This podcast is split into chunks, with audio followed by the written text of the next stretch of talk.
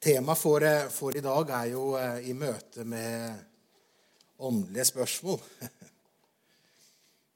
Er, eh, livet er, er, rart for oss alle mennesker. Det er det at vi alle kommer til et eller annet tidspunkt i livet der man spør hvorfor er jeg her, og hva er meningen med alt det jeg holder på med. Man opplever at man kanskje blir gammel og har jobba hele livet og, og tenkt at nå skal jeg nyte alderdommen, og så skjer det andre ting. Sant? Man opplever at man mister kontrollen på framtida fordi omstendighetene er vanskelige. Man opplever at, at livet her er, er, egentlig kort. Og man sitter igjen med mange spørsmål. Og det er alle disse spørsmålene som ligger i oss mennesker. Den søken etter hva er meningen, hvorfor er jeg her? Jeg står opp tidlig på morgenen, går på jobb og holder på med alt det jeg gjør. ikke sant? Nå snakker jeg ikke bare generelt om, om kristne, selvfølgelig, men om folk generelt. At mennesker stiller spørsmål om hvorfor, hvorfor er jeg her, hva, hva er meningen med, med, livet mitt. ikke sant? Og noen blir veldig opptatt av jeg må sette fotavtrykk. Noen må huske meg. ikke sant? Jeg må på en måte ha ettermæle. Man er veldig opptatt av det, kanskje fordi det er en måte å, å leve videre på. I møte med åndelige spørsmål er det vi møter mennesker som som opplever og som stiller spørsmål ved livet og ved virkeligheten, og som opplever det, det vanskelig. Og den, med, med, det utgangspunktet så tenkte jeg nå var det utfordrende, for jeg må ikke ha en bibeltime, selvfølgelig. Men, men å få lov til å formidle en, eh, et, et, budskap som handler nettopp om det å, å møte mennesker som, som har åndelige spørsmål Eh, og samtidig at det kan være en, en, positiv utfordring for oss. Og Jeg skal ta utgangspunktet i, eh, i Apostels gjerninger, kapittel, kapittel 8. Og Så skal jeg lese fra med verset 26.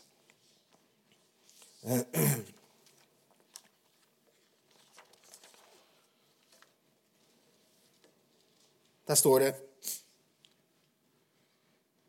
men en Herrens engel talte til Philip og sa, bryt opp og dra mot sør på den vei som går ned fra Jerusalem til Gaza. Denne veien er øde. Philip brøt opp og dro av sted. Og se, en etiopisk hoffmann, en mektig embetsmann som hadde tilsyn med skattkammeret hos den etiopiske dronningen eh, Kandake, var kommet til Jerusalem for å tilbe. Han var nå på hjemvei og satt i vognen sin og leste profeten Jesajas. Da sa ånden til Philip, gå dit bort og hold deg nær til den vognen. Og Philip løp da bortil og hørte at han leste fra profeten Jesajas, og sa, Skjønner du det du leser? Og han svarte, Hvordan skulle jeg kunne det når ingen rettleder meg? Og han ba Philip stige opp og sette seg sammen med han. Men det, men det avsnittet i Skriften han leste, var som et får ble han ført bort for å slaktes og lik et lam som er eh, stumt for, den, eh, stumt for den som klipper det, slik åpner han ikke sin munn. Og i hans fornedrelse ble dommen over han tatt bort. Hvem kan fortelle om hans ett, for hans liv blir tatt bort fra jorden? Hoffmannen sa da til Philip, jeg ber deg si meg, hvem er det profeten sier dette om? Er det om seg selv eller om en annen? Da tok Philip til ordet, og idet han gikk ut fra dette skriftstedet, forkynte han evangeliet om Jesus for ham. Mens de nå kjørte fram langs veien, kom til et sted der det var vann, og hoffmannen sa, Se, her er vann. Bare til hinder for at jeg blir døpt. Philip sa, Tror du av hele ditt hjerte, så kan det skje. Men han svarte, Jeg tror at Jesus Kristus er Guds sønn. Så bød han å stanse vognen, og de steg begge ned i vannet både Philip og hoffmannen, og han døpte han. Men da de steg opp av vannet, rykket Herrens ånd Philip bort, og hoffmannen så ham ikke lenger, for han dro sin, han dro, eh, for han dro sin vei med glede. Amen. Ja, Jesus, vi eh, står fortsatt i din nærhet, Herre Jesus, og takker deg, Jesus, for, eh, for at vi kan få lov til å lovprise ditt navn, Herre Jesus. Takker deg, Jesus, for at vi kan få lov til å dele nattverden sammen, Herre Jesus, til minne om Herre Jesus, hva du betyr for oss, Herre. Takk, Jesus, for at vi kan denne stunden bare få lov til å være innenfor deg, Jesus, og be, Herre, la ditt ord bli levende i vårt indre, Herre Jesus. La det, la det tale til vårt hjerte, Herre. La, vi ber, Herre, at Din Hellige Ånd skal få lov til å levendegjøre dette ord, Herre. Så ikke det blir bare noen tanker og noen ideer, Herre Jesus, men at det kan bli til liv, Herre Jesus, og utfordring, Herre, men at det kan føre oss fram til din, i din vilje, Herre. Vi legger nå denne stunden innenfor deg, Herre, og ber om din velsignelse nå, i Jesu navn. I Jesu navn. Som sagt så er jo temaet hvordan, eh, hvordan lede, eller ikke hvordan lede, men hvordan møte mennesker som, åndelige, som er åndelige spørsmål. Og så er jo da her et konkret eksempel på det. Og jeg skal ikke ta hele teksten, men jeg skal ta noen elementer ut av, av det, denne hendelsen med Philip og hoffmannen, eh, og fokusere spesielt på dette med Guds forsyn og evangelisering. Altså Gud som, for, som forsørger, eller Guds forsyn og evangelisering. Fordi det vi leste om her, bringer et perspektiv som noen ganger er litt fremmed, ikke fremmed kanskje, men litt fjernt ifra oss. Og som er, er viktig å ha i møte med mennesker. Eh, og da vil jeg gå tilbake til det jeg begynte helt med å snakke om. Det første er, man, perspektivet en må ha i dette, er jo det som står i Forkynneren kapittel 3 og vers 11. Så står det slik Alt har Gud gjort vakkert i sin tid. Evigheten har han lagt i deres hjerter. Men likevel kan mennesket ikke forstå det verk Gud gjør fra begynnelsen til enden. Det at evigheten er lagt i alle mennesker. Uansett om mennesket fornekter det eller erkjenner det, så søker mennesker en mening med livet. Folk søker en, en, et, et, eh, et, liv som varer lenger enn dette her. Som du er humanetiker, så er du veldig opptatt av, av ettermælet at mennesker skal snakke om deg etter at du er død, så, så minnet om deg lever videre. Så Det ligger i oss mennesker, uansett hvem det er, at, vi tenker på livet mer enn dette her. Og det er jo selvfølgelig det. Vårt liv her er som et, er et øyeblikk, en evighetsperspektiv. Det er som et blunk, og så er det, er det et, et, liv. Så, så, dette livet her er en kort tid i forhold til en evighet, selvfølgelig. Når vi er i mors liv i ni måneder, så er det en forberedelse til dette livet. Og dette livet som vi lever her nå, er en forberedelse til en evighet som Gud har på en måte lagt i oss mennesker.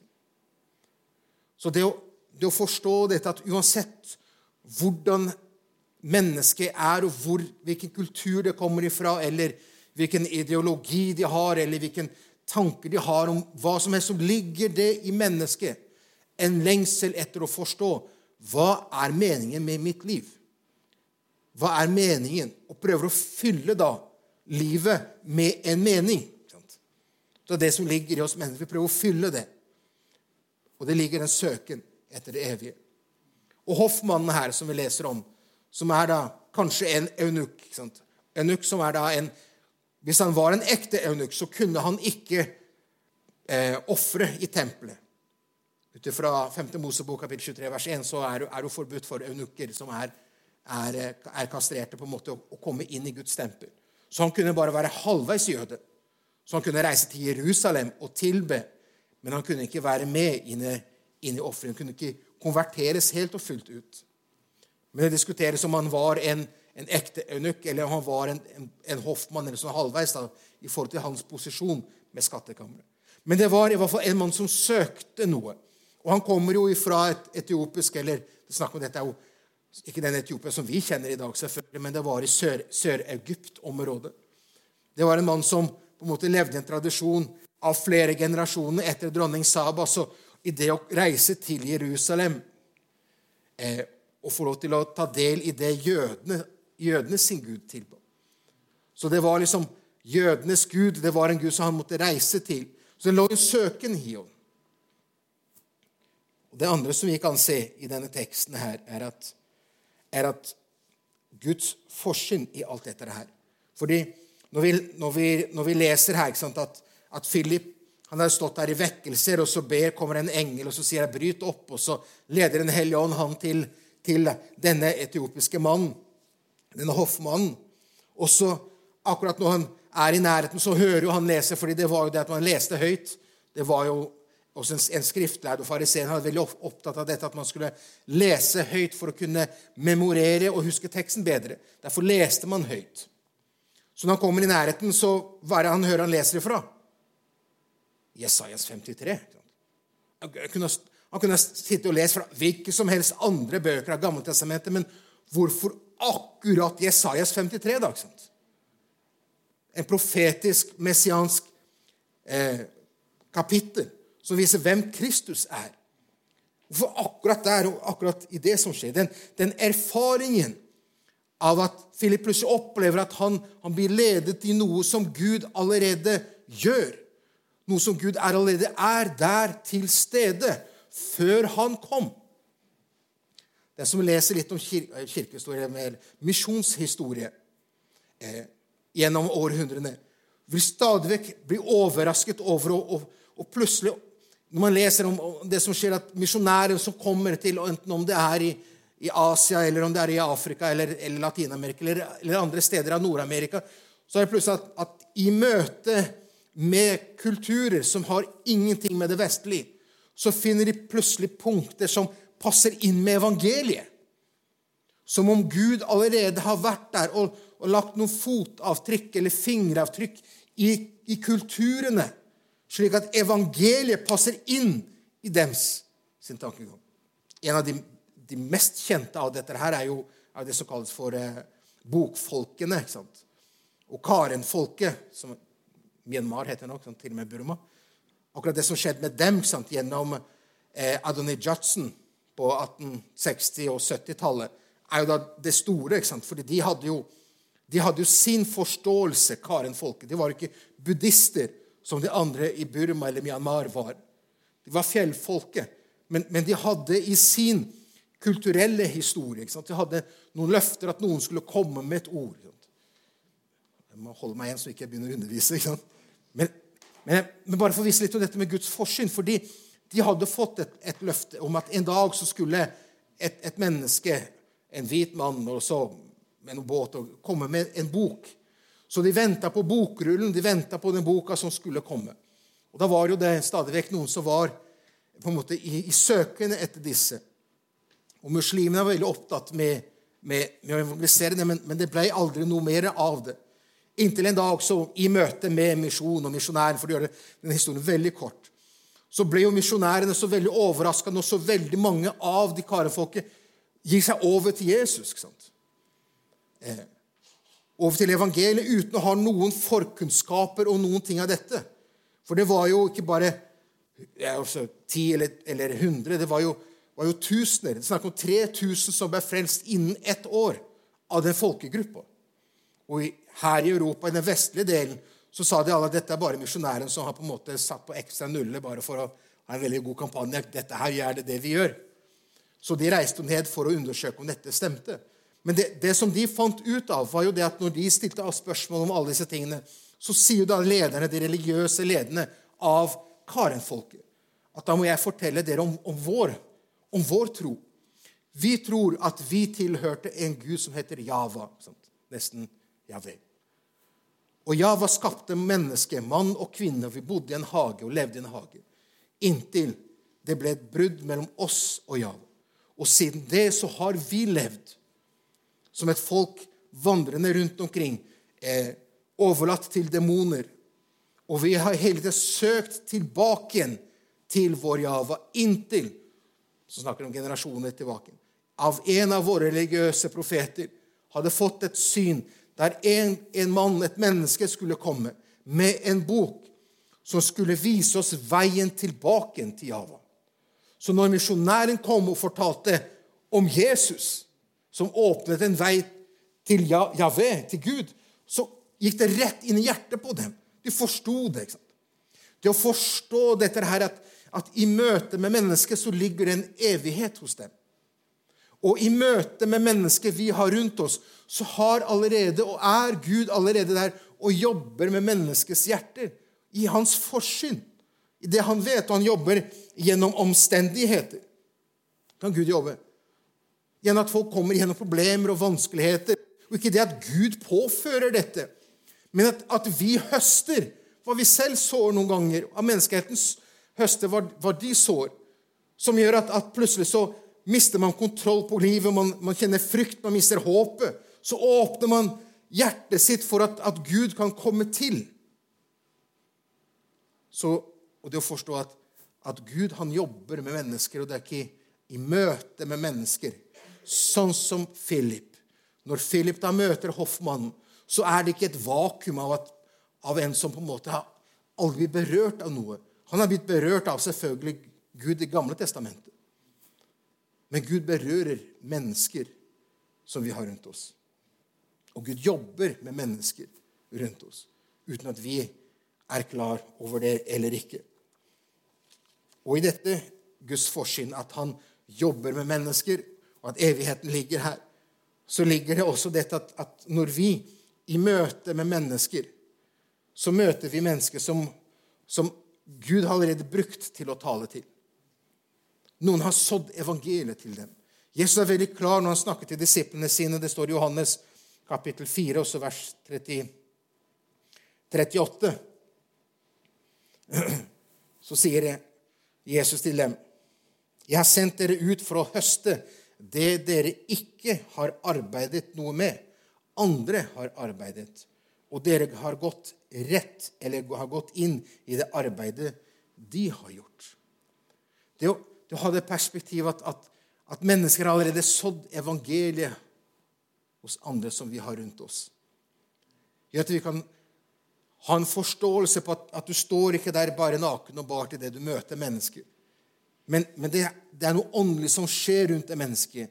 Det Gud gjør, og det Gud gjør gjennom, gjennom mennesket. For det er Gud som, som søker det som har gått fortapt. Det ligger hos Guds hjerte eller å oppsøke mennesket. Det ligger hos ham. Han leder mennesker. Han gjør oss, for han elsker oss slik. Så det er klart at Når da Philip møter, så møter han en mann som allerede Gud har sådd. Og når du møter mennesker, når vi møter mennesker som stiller spørsmål om ting og forskjellige ting, så er ikke du kanskje den første, og kanskje omstendighetene gjør at plutselig så åpner et menneske for deg og så sier at 'Jeg syns livet er vanskelig'. Jeg har, har opplever eller sykdom eller jeg skjønner ikke hvorfor det er så mye ondskap i verden. Folk begynner å åpne seg om ting som man egentlig ikke gjør så mye av i dette landet, før det er veldig nær. Plutselig så står vi der i en mulighet. Og da er det det perspektivet her at det å forstå at, at, at, det ligger en evighet, det ligger en søken hos mennesket. Gud jobber, og Gud jobber gjennom mennesker. Og da, konkret inn i den teksten, så ser vi hvordan Gud da bruker mennesker til å formidle evangeliet. Fordi når en engel først møter opp hos Philip, hvorfor kunne ikke engelen sjøl gått til en hoffmann? Sant? To kapitler seinere, i, i Apostels gjerning kapittel 10, så vil vi lese om, om Peter som, og, eh, som, sitter og ber, eller kneler og ber. Sant? Om Kornelius, som er milevis unna, og som får en åpenbaring av en engel som sier at du må reise, du må sende noen opp til Joppe og hente, hente Peter, også kalt Simon. Sant? Så han skal vise deg hva du skal gjøre. Hvorfor kunne ikke engelen fortelle Kornelius da, evangeliets budskap?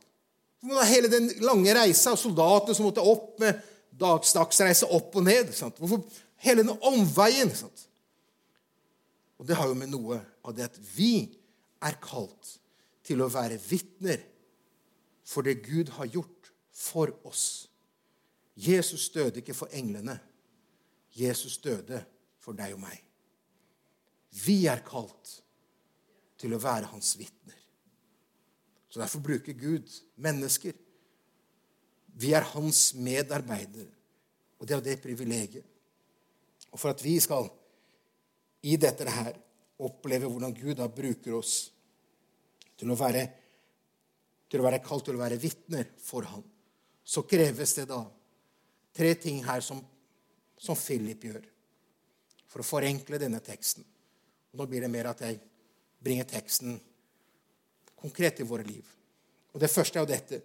Det krever mot, og det krever tro til å gjøre seg tilgjengelig for Gud.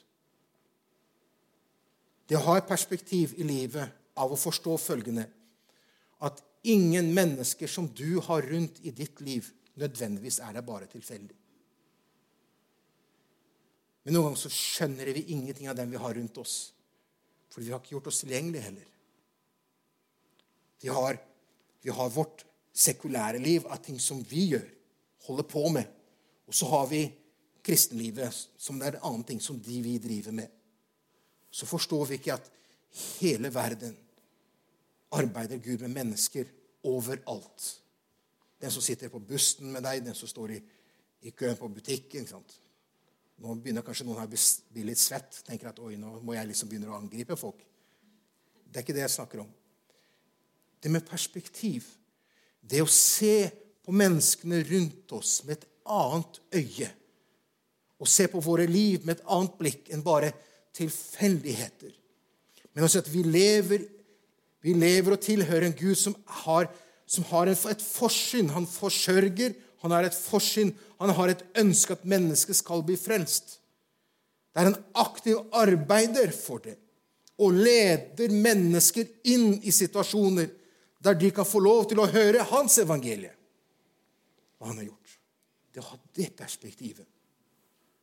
Det skjer bare når han gjør, gjør seg lenger og sier, 'Jesus, hjelp meg, Herre'. Her er ofte mitt øye, Jesus. Så ikke jeg, jeg lever for meg selv, men at jeg kan si at jeg lever for deg. Og det liv jeg nå lever her i kjødet, Herre, det å leve gjerde for deg. At jeg må ha et, et blikk, Jesus. Jeg kan se på mennesker slik du ser dem, Jesus.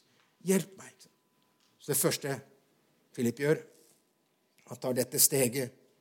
Han gjør seg tilgjengelig i det ikke sant, med engelen kalte til Philip, og sa, står det vers 26.: Bryt opp, dra mot sør til den veien som går ned fra Jerusalem, den veien som er øde. ikke sant? Alt dette er bare en preken, hele greia. Det er et øde sted.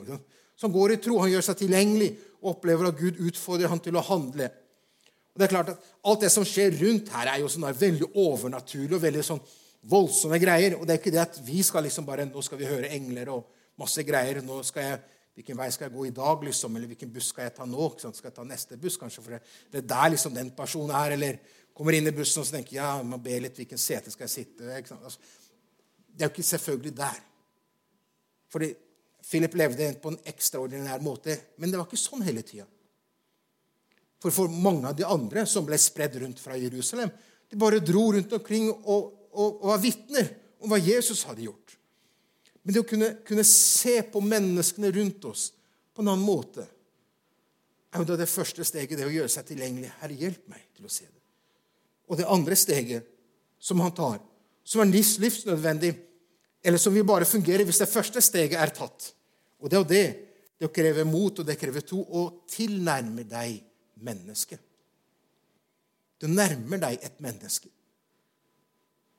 Hvis du ber for naboen din, og du ber Herre, må du møte han, og han krangler om den hekken, og han er slik eller sånn, eller, og for den andre naboen eller hvem Når du ber for ham, men du aldri sier hei Du aldri prøver å liksom Oi, han er ute med søpla. Da må jeg ut med søppel i dag, jeg òg. Så kan jeg plutselig møte han ved søppeldunken og si hei. ikke sant? Hvis jeg hvis jeg aldri prøver å tilnærme meg det mennesket, så vil jeg aldri kunne høre det mennesket kanskje si et spørsmål, sånn som hoffmannen sa når Timotius, nei, Filippi sto der i nærheten av ham. For Filippi sto der. Hva hørte han? Han hørte han lese fra Jesajas. Så hvis ikke Philip hadde satt Beklager, jeg snakker litt portugisisk med her. Så, så hvis ikke Philip hadde tatt det trosteget av å gå og tilnærme seg hoffmannen. For det ånden sier, 'Nærme deg ham'. Så hadde han aldri hørt hoffmannens lesing, hva han holdt på med.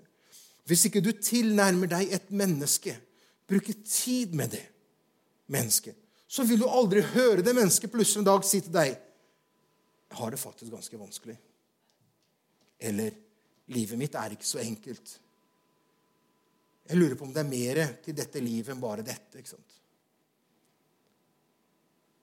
Det er bare når det er nært, at du vil oppleve det på ett eller annet tidspunkt. Ikke det at du skal nødvendigvis møte mennesker ved postkassa og si at Er du sikker på din evighet? ikke sant? Om du dør i morgen, hvor havner du? ikke sant? Altså, det er liksom et dårlig første, første møte ved postkassa.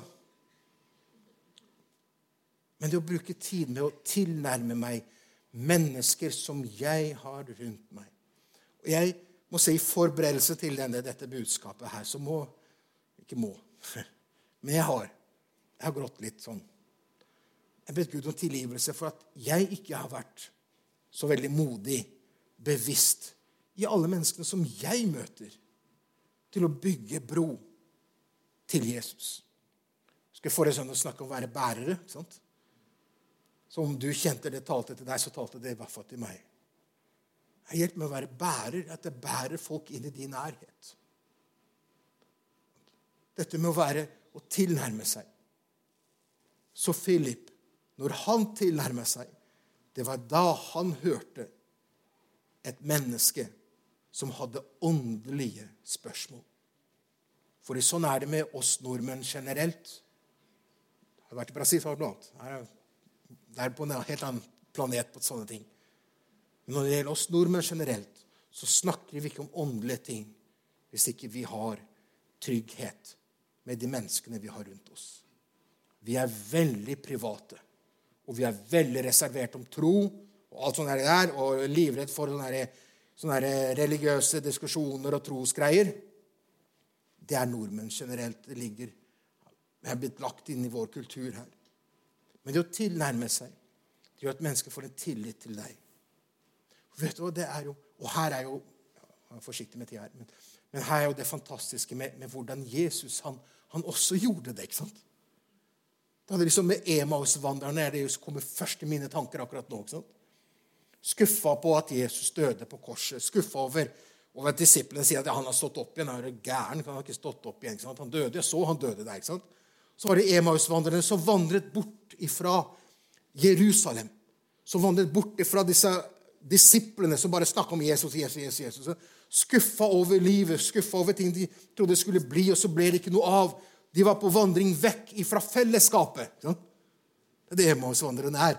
Det er på vandring vekk fra fellesskapet, for de, de, orker ikke å være sammen med de andre disiplene og prate om alt det der, fordi, fordi de er så skuffa over sitt eget liv og tro og det som skjedde.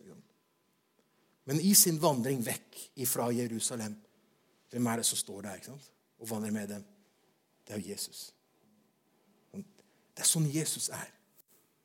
Han tilnærmer seg oss. Han prater, han, han taler til våre hjerter. For han elsker oss så inderlig. Han, han, han jakter nesten etter oss, for å si det sånn. Han, han lar oss ikke være i, i ro eller fred, fordi, fordi han elsker oss slik som brødspillelsen handler om. Den natt da han ble forrådt, tok Jesus brød, brøt det, takket og brøt det og sa, 'Dette er mitt legeme som er brutt for dere.' ikke sant? Jesus elsker oss så mye. Så det å tilnærme seg Han at Jesus, hjelp meg, Herre. At jeg begynner å elske, Herre, slik du elsker, Herre. Hjelp meg, Jesus, å bare at jeg blir drevet av din kjærlighet, Herre. For det, vi trenger den kjærligheten som er, er en større kjærlighet til, enn vårt eget liv. Men jeg kan begynne å se på min, mine naboer og andre mennesker begynne å se gjennom Jesus sine øyne og begynne å be Jesus Og det er skummelt å be sånn. Jeg vet det, jeg syns det er skummelt. Jesus, gi meg en mulighet, Herre, til å vitne om deg. Til han eller henne. ikke sant? Bare konkret. Jesus gir meg mulighet til å vitne for den og for den. For jeg vet Jesus, du døde på korset for den.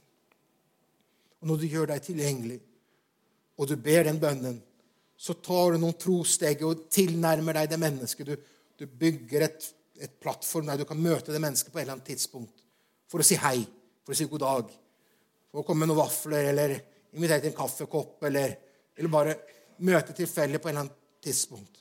men å bare bygge en tilnærmelse til det mennesket. For at du kan en dag få lov til å oppleve å stå der og høre at det mennesket plutselig sier Kan du kanskje be for meg? Men det vil selvfølgelig de fleste nordmenn ikke si. De fleste vil jo bare si at 'Vet du hva, jeg har det vanskelig'. Men da kan du si 'Vil du at jeg kan be for deg', eller 'Skal jeg be for deg', eller 'Kan jeg be for deg'? Bruk ikke 'jeg skal huske på deg'. Kutt ut. Bruk ordet 'be'. Jeg skal huske på deg. Kan jeg få lov til å be for deg? Det er et trosteg. For da tenker du oi, nå ødela jeg hele alt det jeg har holdt på med et år og bygga av, av tilnærmelse. ikke sant? Men når en person åpner seg der, og det er det perspektivet, det å forstå at Gud jobber i det mennesket du møter allerede Gud er der, og Den hellige ånd er der. Og det da kunne forstå at når jeg da tilbyr forbønn, eller tilbyr et Guds ord, så gjør Gud noe som er overnaturlig i det øyeblikket. Det verste et menneske kan da si, er bare si nei takk. Ok, sier du bare. Men du gjør deg fortsatt tilgjengelig. For Gud jobber i menneskets hjerte. Og Det tredje som kreves, og det er jo det som en kreves mot, det er å formidle. Bruke mulighetene som du får. Og det er det, og det, er det Philip gjør. Han har jo allerede vært holdt på med en trollmann. Og, så det er klart at han er jo full, han er jo modig som bare det. Men klart at når han da møter en hoffmann, så, så spør han forstår du det du leser. ikke sant? Han ser en mulighet til å bringe, formidle evangeliet. Og det krever et, et, et trosteg å si det. Kan jeg be for deg? Eller å si det Jeg vet at jeg forstår at ting er vanskelig. Men, men kan jeg si deg noe? Gud eller Jesus elsker deg. Og jeg vil være med og be for deg. Eller noe annet som du opplever du kan si. Men det alltid handler om et trosteg. I møte med åndelige spørsmål så handler det alltid om tro på det du har.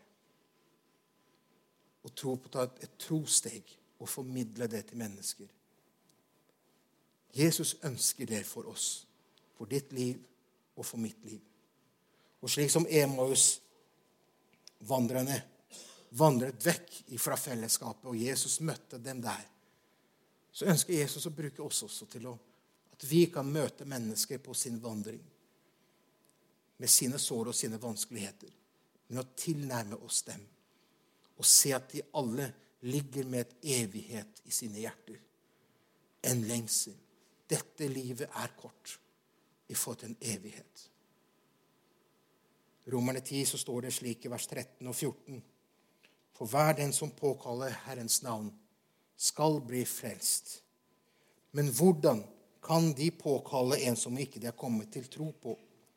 Og hvordan kan de tro på en som de ikke har hørt om? Og hvordan kan de høre uten at det er noen som forkynner? Gud velger å bruke deg og meg enn englene fordi vi er hans vitner. Og troen kommer av forkynnelsen. Skal vi be sammen nå, den avslutningen her?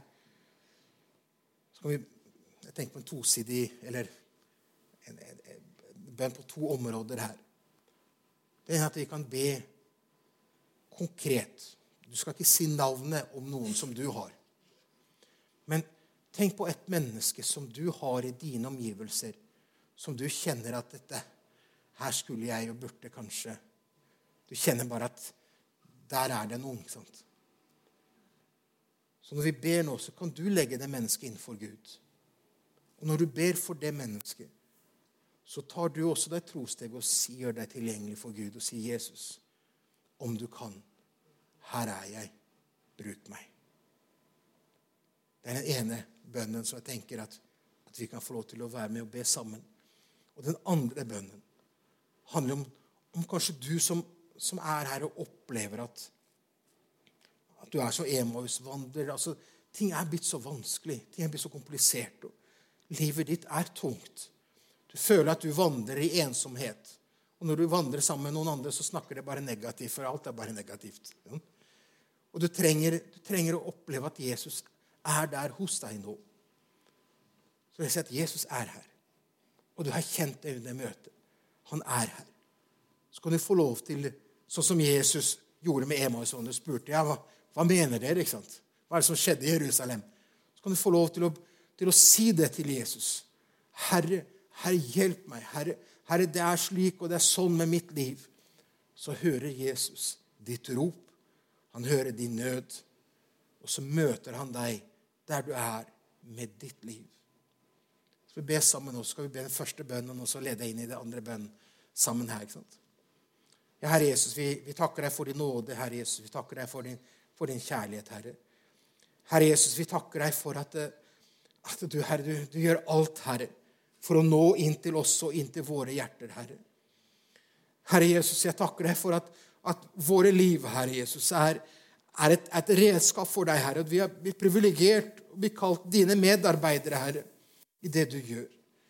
Men Jesus, nå, nå legger vi konkret inn for deg, Herre, det mennesket eller de mennesker som du har minnet den enkelte om, og meg om, Herre. Herre Jesus, jeg legger det inn for deg nå, Herre dette mennesket ber Jesus. Jesus, se din nåde, Herre Jesus. Bryt ut stoltheten, Herre Jesus. Herre Jesus, må ditt ord få lov Jesus, til å komme inn i hjertet, Herre. Må troen få lov til å komme til det mennesket, Herre. Men Jesus, jeg stiller meg også til rådighet, Herre. Selv om jeg syns det er vanskelig, Herre Jesus, selv om jeg syns det er det er utrolig, Herre Jesus, tro krevende, Herre. Å stille meg til rådighet, Herre. For jeg vil ikke, Herre Jesus, gjøre noe dumt. Herre Jesus, Jeg vil ikke på en måte ødelegge noe. Men Jesus, jeg stiller meg til rådighet for deg, Herre, for det mennesket, Herre.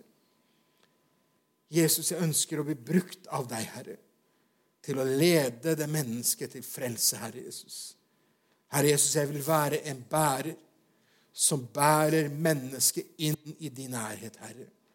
Der de kan få lov til å møte frihet, tilgivelse, legedom, Herre. Gjenopprettelse, Herre. Herre Jesus, jeg ber, Herre Jesus, for den enkelte her i salen nå i kveld, Jesus, som du utfordrer oss med, Herre.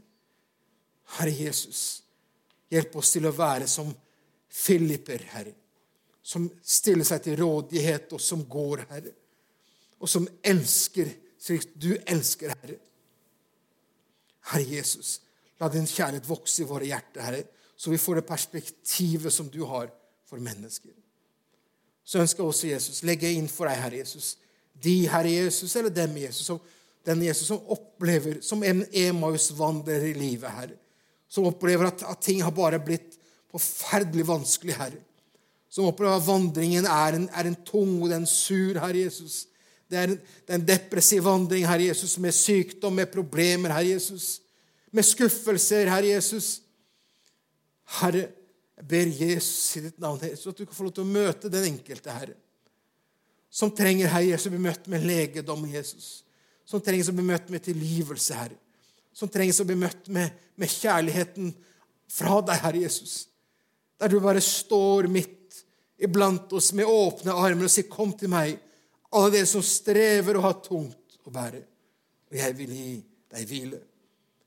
Herre Jesus, jeg ber for den som er som Emaus akkurat nå. Tenk å få lov til å komme inn for deg, Jesus.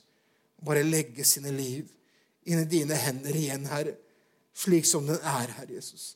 Med alle merker, med alle sår. Og si, Jesus, hjelp du, Herre. Hjelp du. Og jeg takker deg for at du er her. Og jeg takker deg for at du hører, Herre. Jeg takker deg for at du er nær, Herre. I Jesu navn. I Jesu navn.